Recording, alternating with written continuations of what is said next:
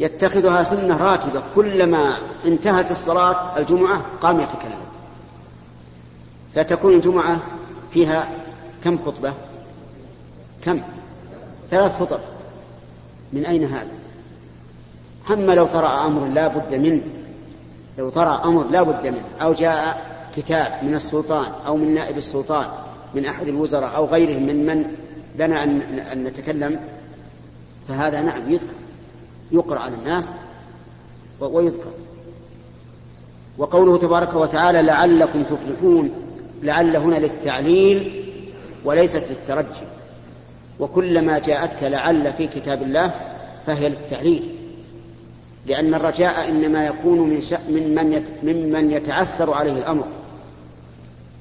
وأما الرب عز وجل فكل شيء يسير عليه. فإذا وجدت لعل في القرآن فهي للتعليم مثل كتب عليكم الصيام كما كتب على الذين من قبلكم لعلكم تتقون. وما أشبه لعلكم تتقون يعني لأجل أن تتقوا. وهذه لعلكم تفلحون يعني لأجل أن تفلحوا. رزقنا الله وإياكم الفلاح والصلاح والإصلاح والهداية. نسأل الله أن يهدينا وأن يهدي لنا وأن يهدي بنا. إنه على كل شيء قدير. لا يشتري مساويك. حتى المساويك بعد نداء الجمعة الثاني لا يجوز بيعها ولا شراؤها. ولذلك نبه صاحب المساويك اللي نعم. وأقول لك عبارة أحسن من مساويك. المساوي جمع سيئة لكن قل أعواد الأراك. أعواد الأراك. إيه. والله أعلم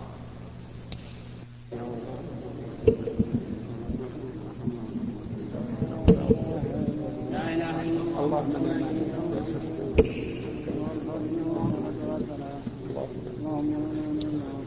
الله الرحمن الرحيم. الحمد لله رب العالمين والصلاة والسلام على نبينا محمد وعلى آله وصحبه أجمعين. نقل المؤلف رحمه الله تعالى في سياق الأحاديث في باب فضل يوم الجمعة ووجوبها والاغتسال لها والتطيب والتبكير إليها. والدعاء يوم والدعاء يوم والدعاء يوم الجمعة والصلاة على النبي صلى الله عليه وسلم فيه وبيان ساعة الإجابة واستحباب إكثار ذكر الله بعد الجمعة. عن أبي هريرة رضي الله عنه قال قال رسول الله صلى الله عليه وسلم خير يوم طلعت عليه الشمس يوم الجمعة فيه خلق آدم. وفيه أدخل الجنة وفيه أخرج منها رواه مسلم. بسم الله الرحمن الرحيم. قال قال النووي رحمه الله في كتابه رياض الصالحين في باب فضل الجمعة وما يتعلق بها فيما نقله عن أبي هريرة رضي الله عنه أن النبي صلى الله عليه وعلى آله وسلم قال خير يوم طلعت عليه الشمس يوم الجمعة. وهذا والمراد بذلك خير يوم من أيام الأسبوع. وإنما قلنا هذا لئلا يتعارض مع قول النبي صلى الله عليه وسلم خير يوم طلعت عليه الشمس يوم عرفة. فإن يوم عرفة أفضل باعتبار العام وهذا أفضل باعتبار الأسبوع. فيه خلق آدم وآدم هو أبو البشر خلقه الله عز وجل بيده. خلقه من تراب ثم قال له كن فيكون. خلق يوم الجمعة وفيه أدخل الجنة وهي جنة المأوى التي يأوي إليها البشر. أدخله الله الجنة هو وزوجه هو وزوجه وقال اسكن أنت وزوجك الجنة وكلا منها رغدا حيث شئتما ولا تقربا هذه الشجرة فتكون من الظالمين. فأذن الله لهما أن يأكلا من جميع أشجار الجنة مما شاء ونهاهما عن شجرة معينة اختبارا وابتلاء فوسوس لهما الشيطان ودلاهما بغرور وأقسم لهما أن يأكلا من هذه الشجرة وأنها وأنه بذلك يحصل لهم الخلد والملك الذي لا يبلى وما زال بهما حتى أكلا من الشجرة. وكان الله تعالى قد وضع على عورتيهما هيبة. فلما قال فلما أكل من الشجرة بدت لهما سواتهما وصار كل إنسان ينظر إلى عورته. آدم ينظر إلى عورة حواء وحواء تنظر إلى عورته. انكشفت. لأنهما هتكا حرمة الله عز وجل بأكلهما من الشجرة وقال الله تعالى عن ذلك عصى آدم ربه فغوى. لما أكل منها أمرهما الله عز وجل أن يهبطا إلى الأرض أخرجهما من الجنة فهبطا إلى الأرض. وهذا من حكمة الله عز وجل لأنه لولا ذلك ما وجدت هذه البشرية وهذه الخليقة وحصل هذا الامتحان. ولكن الله تعالى بحكمته قدر لكل شيء سببا. فانظر كيف نزل من الجنة العالية إلى الأرض الهابطة بمعصية واحدة. فما بالك بنا نحن؟ معاص كثيرة. الليل والنهار نسأل الله أن يعاملنا وإياكم بعفوه. ومع ذلك نؤمل أملا ما هو إلا تخيل في الواقع وأوهام. نؤمل أننا في الدرجات العلى مع أننا هابطون بكثرة المعاصي. والتهاون بالواجبات وما في القلوب من الحقد والبغض والكراهية. فنسأل الله أن يتوب علينا وعليكم ويصحح قلوبنا وقلوبكم. وهذه الجنة التي أهبط منها آدم اختلف فيها هل هي جنة المأوى أو أنها جنة بستان عظيم على ربوة مثمرة على ربوة طيبة الهواء كثيرة الماء. والصواب أنها جنة الخلد. وفي هذا يقول ابن القيم فحي على جنات عدن فإنها منازلك الأولى وفيها المخيم. والله على كل شيء قدير.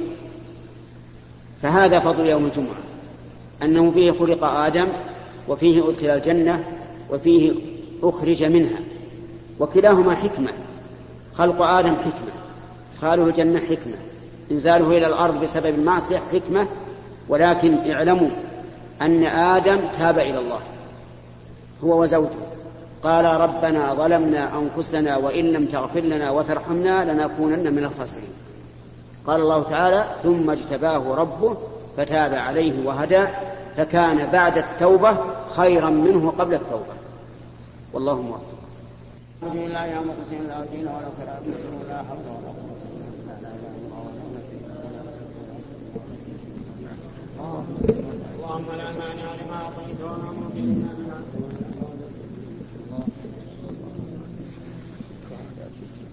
وعلى حسن بسم الله الرحمن الرحيم. الحمد لله رب العالمين والصلاة والسلام على نبينا محمد وعلى آله وصحبه أجمعين. قال رحمه الله تعالى باب فضل يوم الجمعة ووجوبها والاغتسال لها. والتطيب والتبكير إليها والدعاء يوم الجمعة والصلاة على النبي صلى الله عليه وسلم. عن أبي هريرة رضي الله عنه قال قال رسول الله صلى الله عليه وسلم من توضأ فأحسن الوضوء ثم أتى الجمعة فاستمع وأنصت غفر له ما بينه وبين الجمعة وزيادة ثلاثة أيام ومن مس الحصى فقد لغى رواه مسلم. وعنه رضي الله عنه عن النبي صلى الله عليه وسلم قال الصلوات الخمس والجمعة إلى الجمعة ورمضان إلى رمضان مكفرات ما بينهن إذا اجتنبت الكبائر رواه مسلم. وعنه وعن ابن عمر رضي الله عنهم أنهما سمعا رسول الله صلى الله عليه وسلم يقول على أعواد منبره لينتهين أقوام عن ودعهم الجمعات أو ليختمن الله على قلوبهم ثم ليكونن من الغافلين. ثم ليكونن من الغافلين رواه مسلم. وعن ابن عمر رضي الله عنهما أن رسول الله صلى الله عليه وسلم قال إذا جاء أحدكم الجمعة فليغتسل. متفق عليه. وعن أبي سعيد الخدري رضي الله عنه أن رسول الله صلى الله عليه وسلم قال غسل الجمعة واجب على كل محتلم. متفق عليه.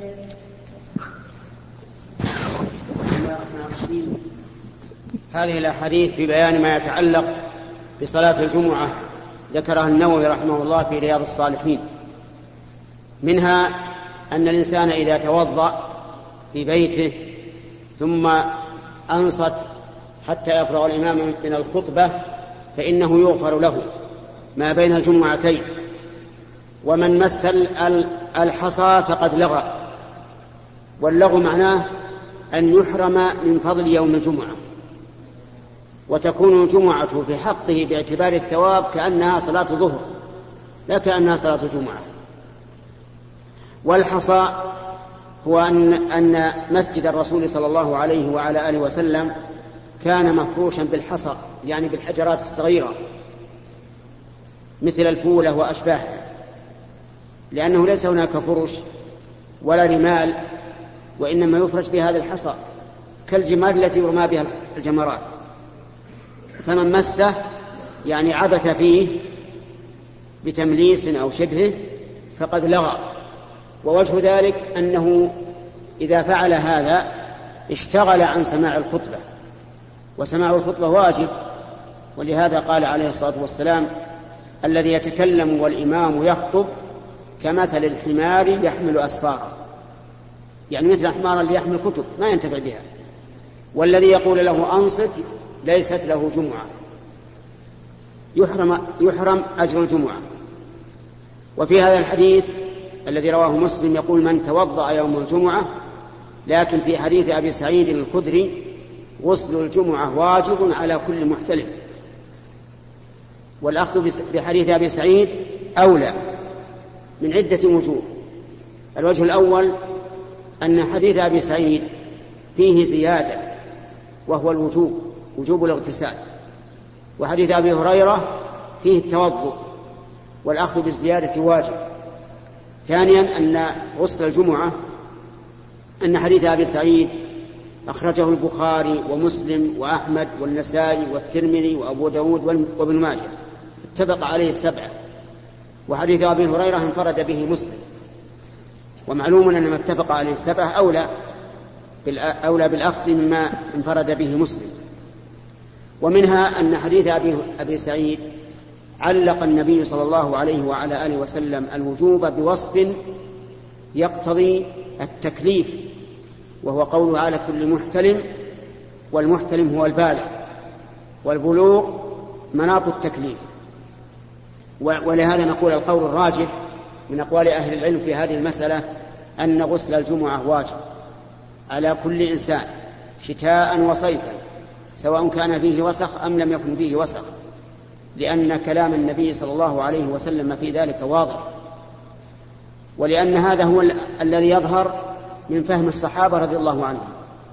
فإن, عثمان فإن أمير المؤمنين عثمان رضي الله عنه دخل وعمر بن الخطاب أمير المؤمنين يخطب فأنكر عليه فقال والله يا أمير المؤمنين ما زدت أن توضأت ثم أتيت. فقال والوضوء أيضا وقد قال النبي صلى الله عليه وعلى آله وسلم إذا أتى أحدكم الجمعة فليغتسل. يعني كيف تقتصر على الوضوء؟ فأنكر عليه. في مشهد من الصحابة. فالحاصل أن القول الراجح وجوب غسل الجمعة لكن لو لم يغتسل فهل تبطل الجمعة؟ لا. لا تبطل لأن هذا ليس غسل حدث حتى نقول إنه صلى بغير بغير طهارة بل هو غسل واجب عن غير حدث. ولهذا لا يغني عن غسل الجنابة. لو أن الإنسان اغتسل للجمعة وعليه غسل الجنابة ولا نوى غسل الجنابة لم يجزئ. لأن غسل الجمعة ليس عن حدث بخلاف غسل الجنابة. والله موفق. لا بأس. نفس العبث المقصود العبث. من مس الحصى عبث فيه.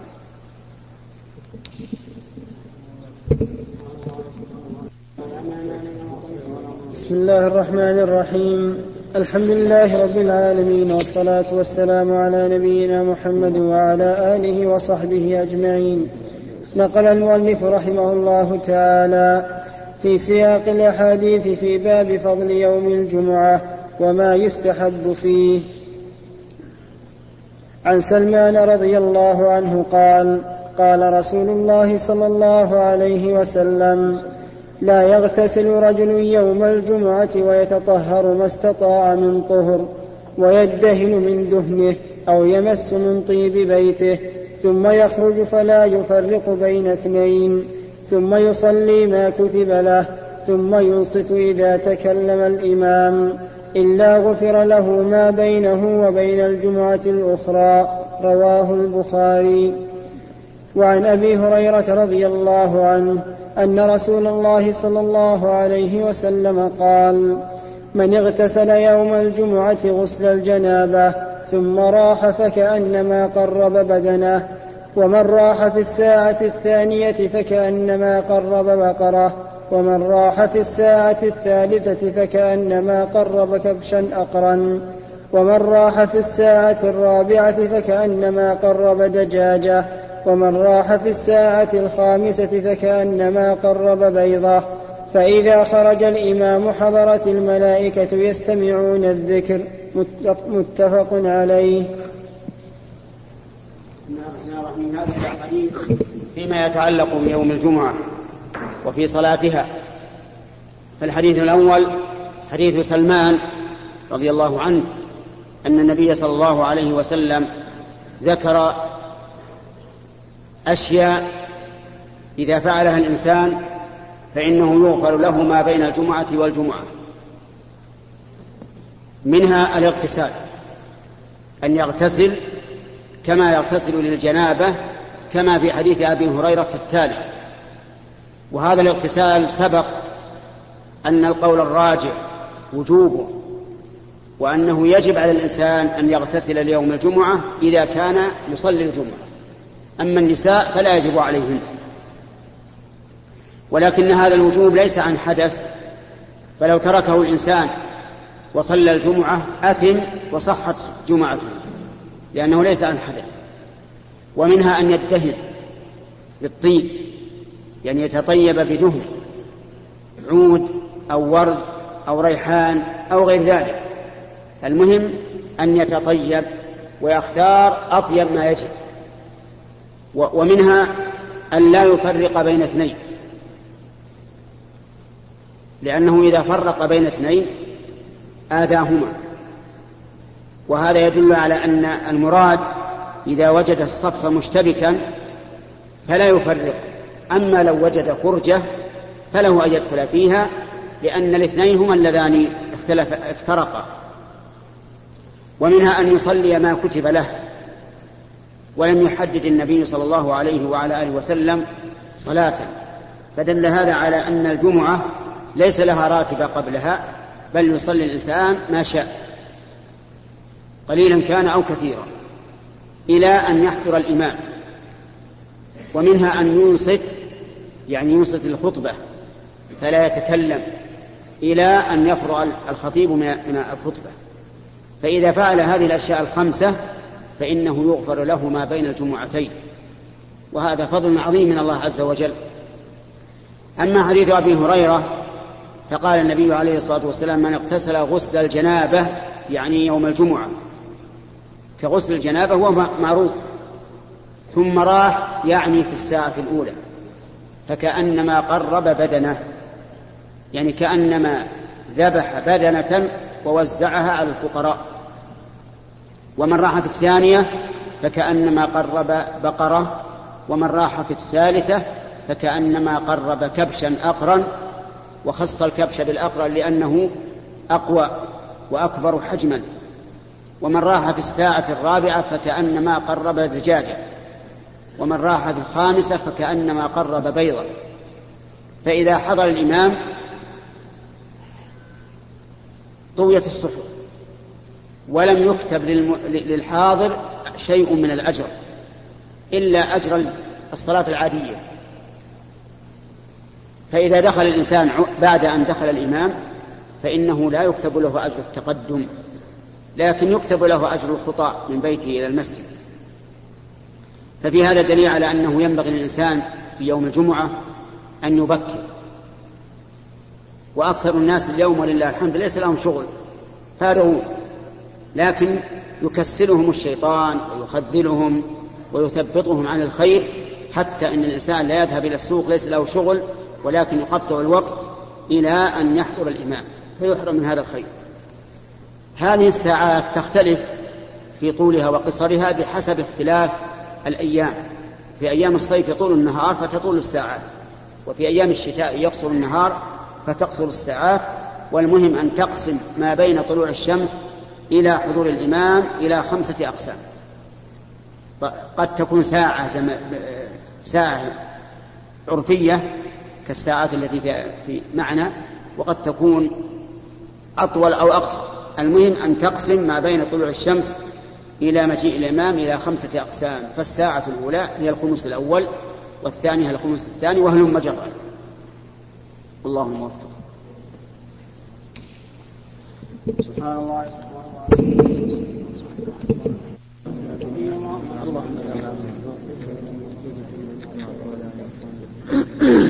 الله بسم الله الرحمن الرحيم. الحمد لله رب العالمين والصلاة والسلام على نبينا محمد وعلى آله وصحبه أجمعين. نقل المؤلف رحمه الله تعالى في سياق الأحاديث في باب فضل يوم الجمعة وما يستحب فيه. عن أبي هريرة رضي الله عنه أن, رس أن رسول الله صلى الله عليه وسلم ذكر يوم الجمعة فقال فيها ساعة لا يوافقها عبد مسلم وهو قائم يصلي. يسأل الله شيئا إلا أعطاه إياه وأشار بيده يقللها. متفق عليه. وعن أبي بردة بن أبي موسى الأشعري رضي الله عنه قال قال عبد الله بن عمر رضي الله عنهما أسمعت أباك يحدث عن رسول الله صلى الله عليه وسلم في شأن ساعة الجمعة؟ قال قلت نعم سمعته يقول. سمعت رسول الله صلى الله عليه وسلم يقول هي ما بين أن يجلس الإمام إلى أن تقضى الصلاة؟ رواه مسلم. وعن, وعن أوس بن أوس رضي الله عنه قال قال رسول الله صلى الله عليه وسلم إن من أفضل أيامكم يوم الجمعة فأكثروا علي من الصلاة فيه فإن صلاتكم معروضة علي. رواه أبو داود بإسناد صحيح. هذه الأحاديث ثلاثة فيما يتعلق بالجمعة. فأما الحديث الأول حديث أبي هريرة والثاني حديث أبي موسى ففيهما بيان أن في يوم الجمعة ساعة لا يوافقها عبد مسلم يسأل الله شيئا إلا أعطاه إياه. وهذا من خصائص يوم الجمعة. في الساعة إذا سألت الله فيها شيئا أي شيء يكون ما لم يكن إثما أو قطيعة رحم فإن الله تعالى يجيبه لكن في الحديث وهو قائم يصلي. وأشار النبي صلى الله عليه وعلى آله وسلم يقلل هذه الساعة يعني ساعة ليست طويلة. وقد اختلف العلماء في تعيين هذه الساعة. متى؟ من أول النهار من وسط النهار من آخر النهار. اختلفوا فيها على أكثر من أربعين قول. أكثر من أربعين قول. كما اختلفوا في تعيين ليلة القدر على أكثر من أربعين قول. ولكن قد تكون بعض هذه الأقوال متداخلة ويمكن اختصارها. وأرجى ساعة تكون فيه وأرجى زمن تكون فيه هذه الساعة ما دل عليه حديث أبي هريرة أبي موسى الأشعري رضي الله عنه. ما بين أن يجلس الإمام إلى أن تقضى الصلاة. يعني إذا دخل الإمام يوم الجمعة وسلم على الناس وجلس من, من هذا الحين تبتدئ ساعة الإجابة. ومن المعلوم أنه إذا قام يخطب فإن الناس منصتون لكن يمكن أن يدعو بين الخطبتين وأن يدعو في صلاة الفريضة. والدعاء في صلاة الفريضة أقرب إلى الإجابة لأن الإنسان يكون فيه يكون فيها ساجدا ساجدا لله وأقرب ما يكون العبد من ربه وهو ساجد.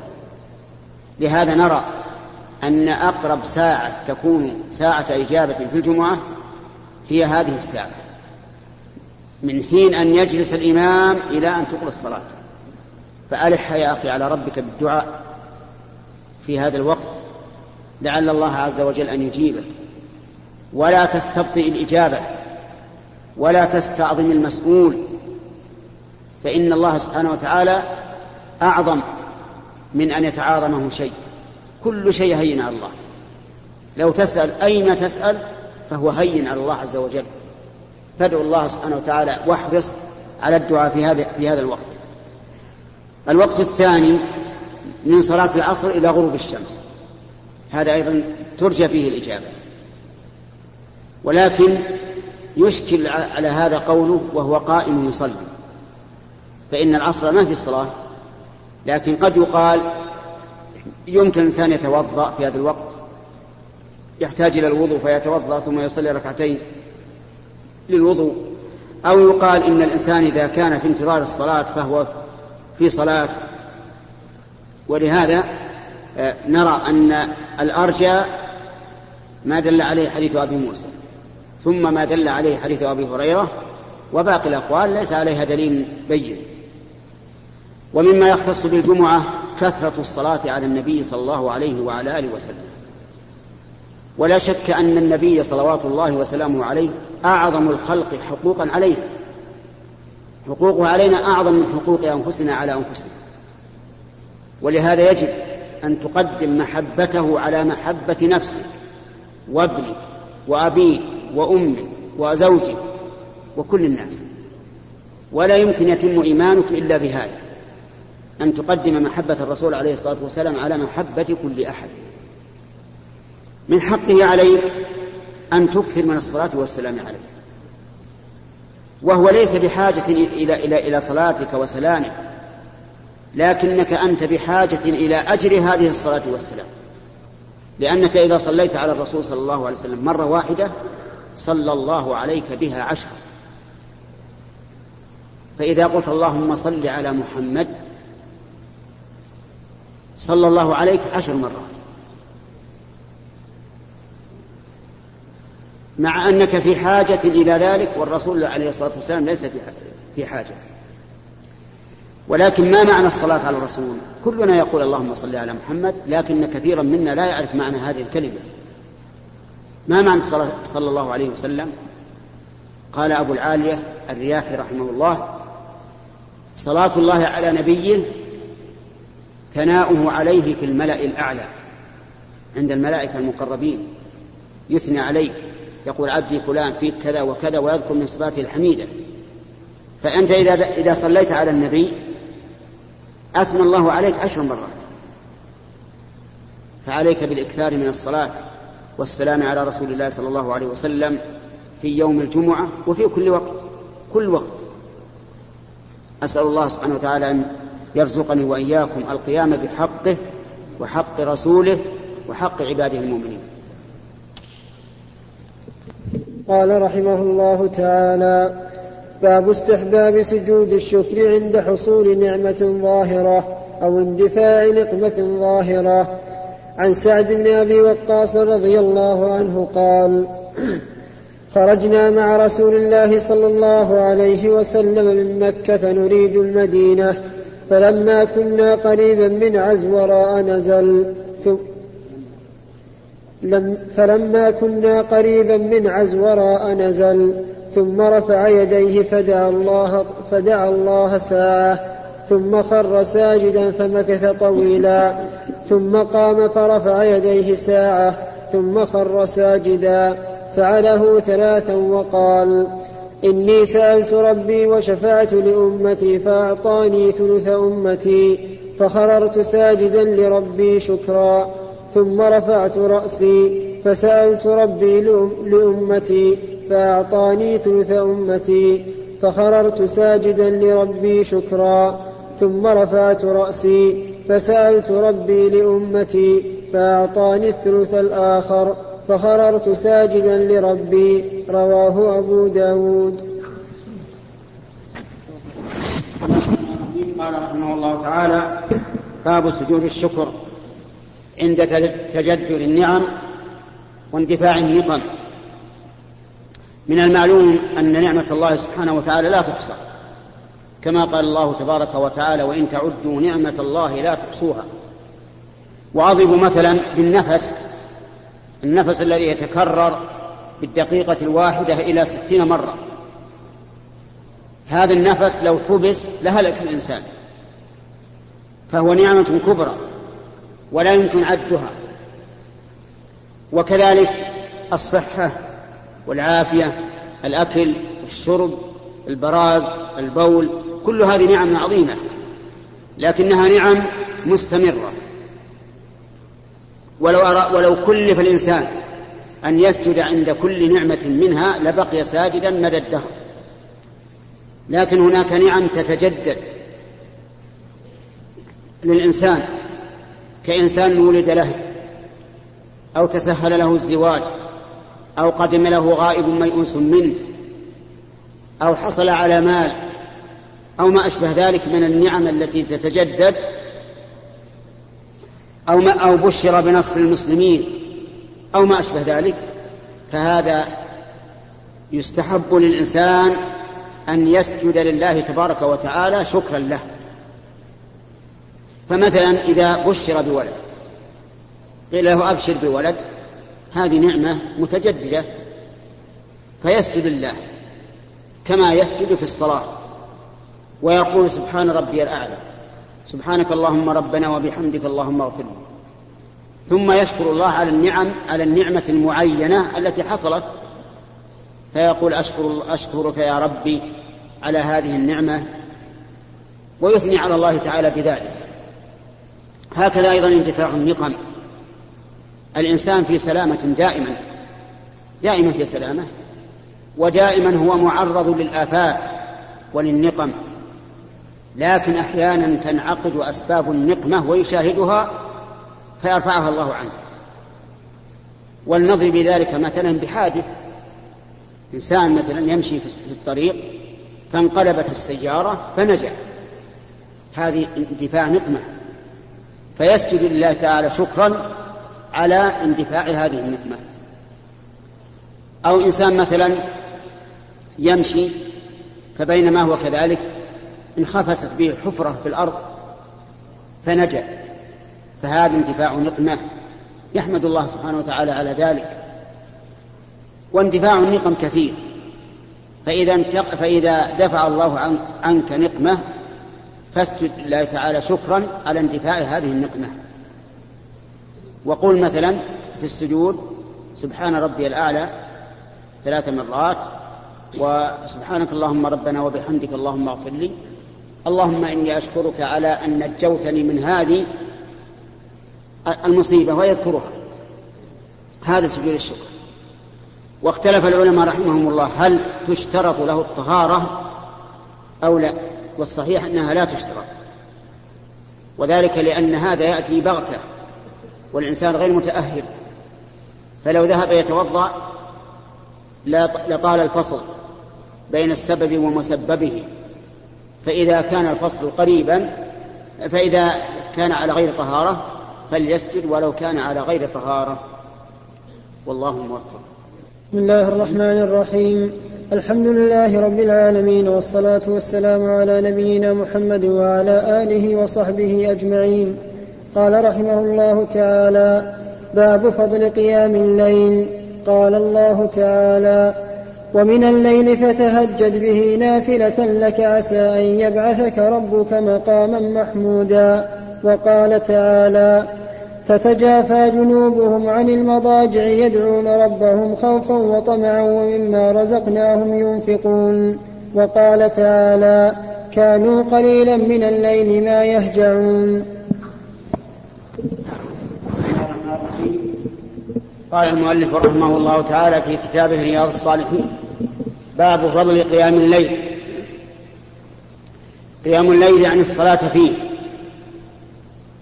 وهو أفضل الصلاة بعد المكتوبة كما سيأتي إن شاء الله في الأحاديث. وقد ذكر الله سبحانه وتعالى الثناء على القائمين في الليل فأمر نبيه صلى الله عليه وعلى آله وصحبه وعلى آله وسلم أمره أن يتهجد فقال ومن الليل فتهجد به نافلة لك عسى أن يبعثك ربك مقاما محمودا. فأمر الله نبيه أن يتهجد من الليل.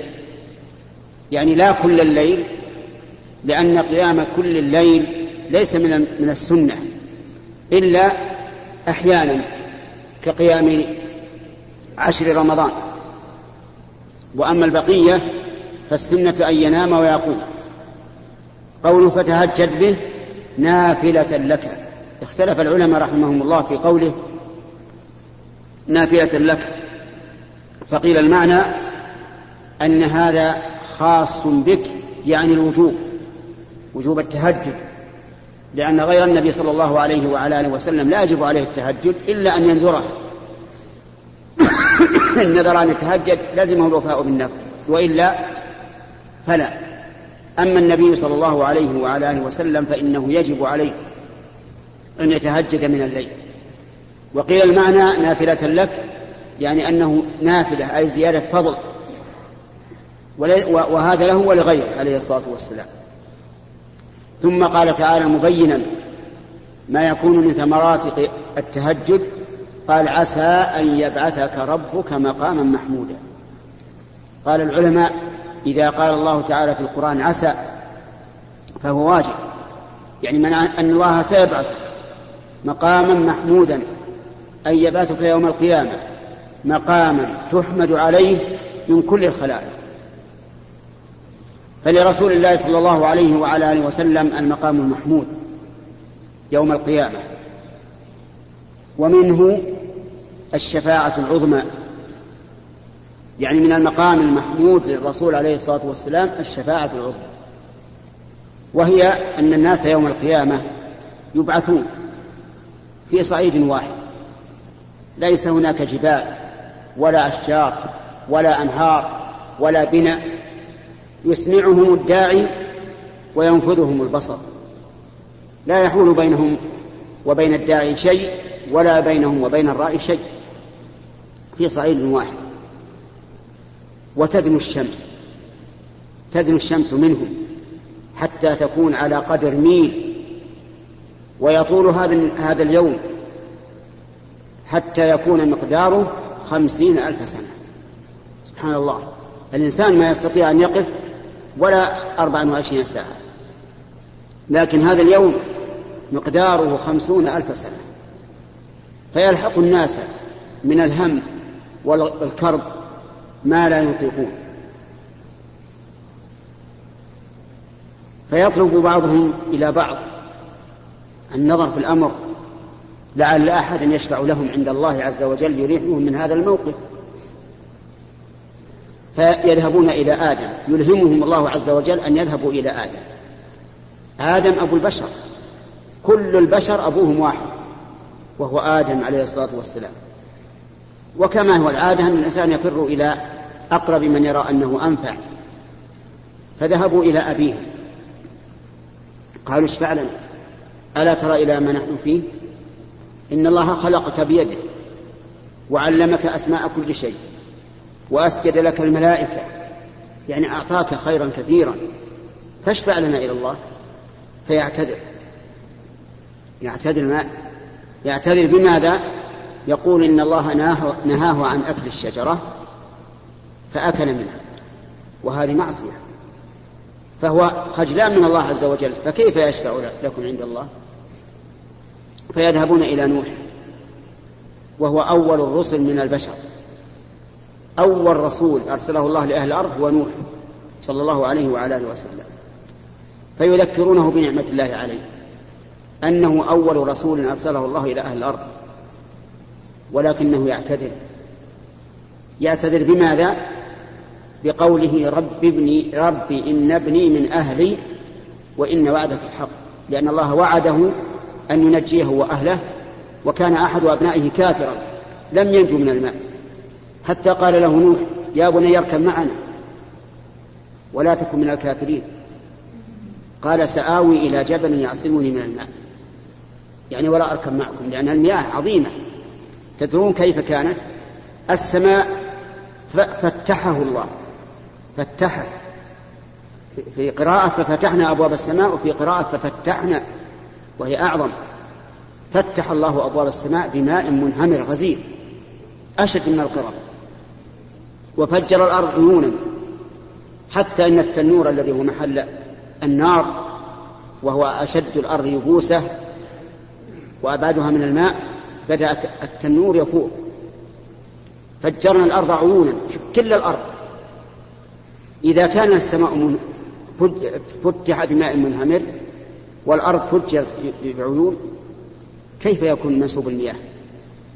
يكون عظيما عظيما عظيما. حتى صعد الماء إلى قمم الجبال.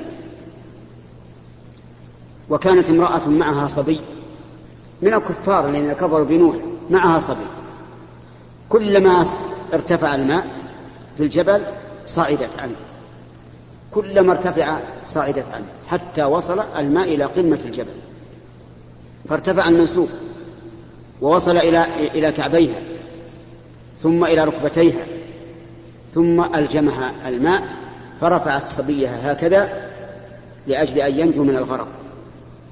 تغرق هي والولد. ترجو أن الولد ينجو من الغرق. قال النبي عليه الصلاة والسلام لو نجى الله أحدا لنجى أم الصبي. لكن والعياذ بالله قضى الله على أهل الأرض أن يغرق كله إلا من ركب بهذه السفينة. ابن نوح الذي كفر بأبيه أبى أن يركب. قال سآوي إلى جبل يعصمني من الماء. قال له أبوه لا عاصم اليوم من أمر الله إلا من رحم فحال بينهما الموج فكان من المغرقين. غرق. لكن نوح عليه الصلاة والسلام قال ربي إن ابني من أهلي وإن وعدك الحق وأنت أحكم الحاكمين. قال إنه ليس من أهلك إنه عمل غير صالح. فلا تسألني ما ليس لك به علم. إني أعظك أن تكون من الجاهلين. سبحان الله. كلام الرب عز وجل لنبي من الأنبياء. من أولي العزم. إني أعظك أن تكون من الجاهلين. فيأتون إلى نوح في ذلك اليوم. نسأل الله أن ينجينا وإياكم من عذابه. يأتون إلى نوح ويقولون اشفع لنا فيذكر ذنبه أنه سأل ما ليس له به علم. والمذنب لا يم... ليس له وجه يشفع. المذنب لا يمكن أن يشفع عند من عصاه لأنه ليس له وجه فيعتذر فيذهبون إلى إبراهيم عليه الصلاة والسلام. أبو الأنبياء الذين أمرنا أن نتبع ملته ويذكرونه بنعمة الله عليه ولكنه يعتذر. يعتذر بأشياء ما ما تضره لكنه رضي الله لكنه عليه الصلاة والسلام لكمال إيمانه جعلها من الأشياء الضارة. فيذكر ما يذكر من العذر فيقول اذهبوا إلى موسى. يأتون إلى موسى ويذكرونه بنعمة الله عليه ولكنه يعتذر. بماذا يعتذر؟ يقول إنه قتل نفسا لم يؤذن له بقتلها حين قتل القبطي الذي استغاثه عليه الإسرائيلي. إسرائيلي من بني إسرائيل كان مع قبطي يتنازعان وكان موسى عليه الصلاة والسلام من أشد الناس صرامة قوي شديد. وهذه من حكمة الله لأن بني إسرائيل ما ينفعهم إلا الأقوياء الأشدة. بعثه الله إلى بني إسرائيل فلما رأى هذا القبطي وقد استغاثه الإسرائيلي عليه وكزه موسى أعطاه وكزة بيده فقضى عليه. فقال يعتذر بأنه قتل نفسا لم يؤمر بقتلها اذهبوا إلى عيسى يذهبون إلى عيسى. عيسى بن مريم عليه الصلاة والسلام الذي هو آخر الرسل قبل محمد عليه الصلاة والسلام. ليس بينه وبينه نبي ولا رسول. ولكنه يعتذر بدون أن يذكر شيئا. لكنه يدلهم على من هو أكمل منه وهو محمد صلوات الله وسلامه عليه وأسأل الله تعالى أن يدخلني وإياكم في شفاعته. يأتون إلى محمد صلى الله عليه وسلم فيقول أنا لها ويذهب ويسجد تحت العرش بعد إذن الله عز وجل ثم يؤذن له بالشفاعة فيشفع. فينزل الرب عز وجل للقضاء بين عباده. فيقضي بينهم ويستريحون من هذا الموقف. هذا المقام يا إخواني هل هل يحمد عليه الرسول؟ عجيب. نعم لا شك. كل الأنبياء الكرام الرسل أولو العزم كلهم يعتبرون حتى في ختام هذه المادة نسأل الله أن نلقاكم في لقاءات متجددة. مع تحيات مؤسسة الاستقامة الإسلامية للإنتاج والتوزيع في عنيزة. شارع هلالة رقم الهاتف والناسخة الهاتفية صفر ستة ثلاثة ستة أربعة ثمانية ثمانية ثمانية صفر والرقم الثاني صفر ستة ثلاثة ستة أربعة خمسة ثمانية ثمانية صفر. ورقم صندوق البريد اثنان وخمسمائة وألف.